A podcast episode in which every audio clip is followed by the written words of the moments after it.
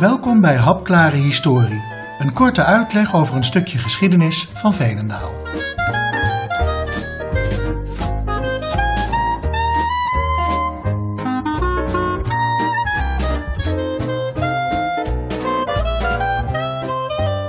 Winkelen in Veenendaal, daar gaat het over.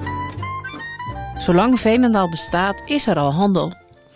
In een overzicht van Veenendaalse beroepen uit het midden van de 18e eeuw vinden we 34 winkeliers, waaronder bakkers, winkeliers in zogenaamde vette waren, maar ook een handelaar in lakens, een boekhandelaar, een vrouw die kousen verkoopt en iemand die goud en zilver verkoopt. Daarnaast zijn er ambachtslieden als hoedemakers en kleermakers die hun eigen producten verkopen. Die niet genoteerd zijn, zijn de rondreizende handelaars, beter bekend als marskramers, die van dorp tot dorp trekken om hun waren te slijten. Zij verkopen vaak kleine huishoudelijke artikelen als scharen, kammen, naalden en dat soort dingen. Van ouds zijn de meeste winkels gevestigd in de Hoofdstraat, de Hoogstraat en het begin van de Zandstraat. Dat ligt voor de hand, omdat dit gedeelte van Veenendaal het eerst bewoond werd. Lange tijd zijn er nauwelijks regels voor winkeliers. Iedereen die een winkel wil openen kan dat doen en er zijn geen regels voor hoe groot de winkel moet zijn, wanneer je open bent en wat dingen kosten. Als het centrum in 1666 voor een groot deel afbrandt, is de schade aan het centrum groot. Zo'n 130 winkels en huizen gaan verloren. De meeste daarvan zijn niet meer dan een plaggenhutje waar maar één product verkocht wordt. In de Franse tijd komen er uniforme maten en gewichten en in de 19e eeuw volgen er meer maatregelen om producten te standaardiseren. Een voorbeeld daarvan is de zogenaamde broodzetting, waarbij de gemeente de prijzen voor brood vaststelt. Geen overbodige luxe in een tijd waarin veel mensen nauwelijks de eindjes aan elkaar kunnen knopen. In deze verordening uit 1854 wordt ook precies voorgeschreven welke ingrediënten een brood mag bevatten, hoe zwaar dat moet zijn en wat de boete is als een bakker daarmee sjoemelt. En die boete, dat is 25 gulden, een enorm bedrag in 1854. Later in de 19e eeuw ontstaan de coöperatieve winkels. Het doel van de verenigingen achter deze winkels is het zo goedkoop mogelijk doorverkopen van kruidenierswaren aan de leden. Klanten die een bepaald bedrag inleggen, worden lid en die mogen aan het einde van het jaar meedelen in de winst. In Veenendaal waren er twee van deze winkels en beide waren ze verbonden aan een fabriek. Voor de arbeiders van de VSW was er de volharding aan de Zandstraat en voor de arbeiders van de Hollandia de Eendracht aan het Verlaat. Tijdens de Eerste Wereldoorlog gaat de overheid meer sturen. Hoewel Nederland zelf niet meedoet, voelen de Nederlanders de gevolgen van deze oorlog wel. Als de Engelsen de Noordzee blokkeren om de aanvoer van goederen naar Duitsland te stoppen, heeft dat ook gevolgen voor Nederland. Er ontstaat schaarste. Om de levensmiddelenvoorziening veilig te stellen, moet de overheid verschillende maatregelen nemen.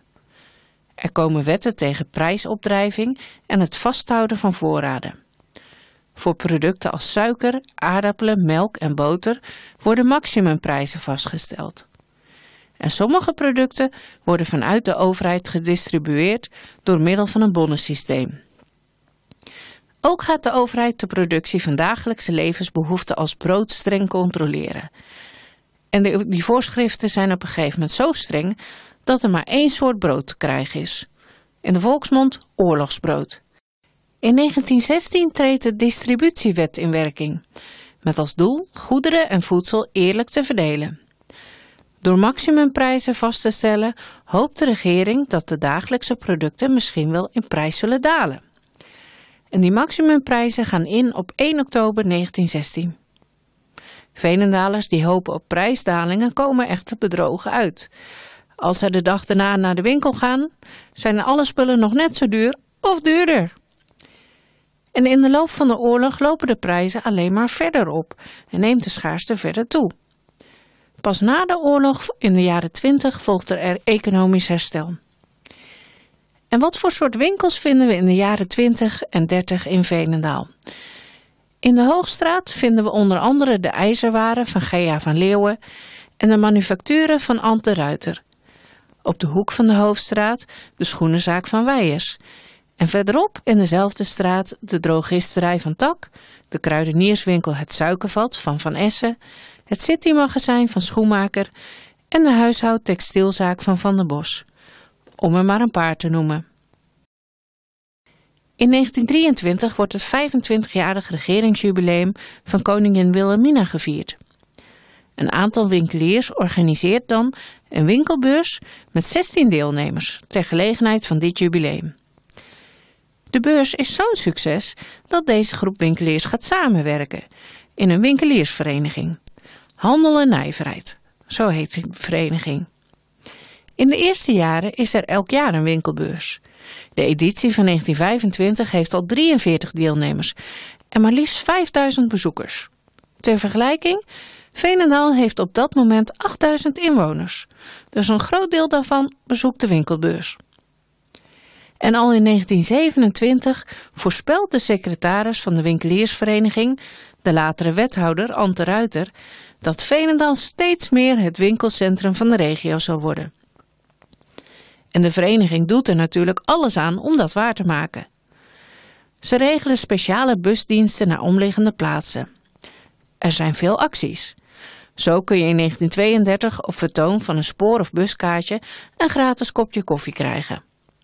Nog bekender zijn de winkelweken, prijsvragen, lampengietersfeesten, palmpaasoptochten en Sinterklaasacties. En ook vraagt de vereniging regelmatig aandacht voor verbetering van het winkelgebied. In de jaren 20 en 30 zijn er bijvoorbeeld nog geen trottoirs.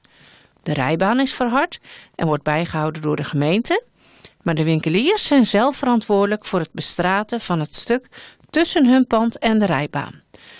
Met als gevolg allemaal verschillende stoepen, verschillende soorten bestrating, verschillende hoogtes. U zult begrijpen dat liep niet zo fijn. En daarom komt er in de jaren 30 een nieuw soort bestrating. In de hele straat, de hoofdstraat met name, dezelfde soort bestrating, waardoor iedereen veilig over straat kan. In de jaren 20 en 30 groeien bedrijven als de Gruiter, Hema en Albert Heijn uit tot groot winkelbedrijf. Deze ketens tonen ook belangstelling voor Venendaal. In eerste instantie niet tot genoegen van de plaatselijke winkeliers, die bang zijn voor omzetverlies. Grootwinkelbedrijven mogen dan ook geen lid worden van de winkeliersvereniging. Pas in de jaren 60 en 70 groeit het idee dat grote ketens ook bij kunnen dragen aan de groei van Venendaal. De Tweede Wereldoorlog heeft grote gevolgen. De distributie wordt opnieuw ingevoerd en naarmate de oorlog vordert worden allerlei producten steeds schaarser. Na de oorlog is de winkeliersvereniging een van de drijvende krachten achter de groei van Veenendaal als winkelstad. En een van de meest opvallende initiatieven is de viering van 400 jaar Veenendaal in 1949.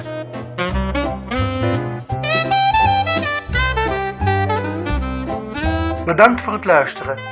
Wil je meer ontdekken over de geschiedenis van Veenendaal? Ga naar gemeentearchief.veenendaal.nl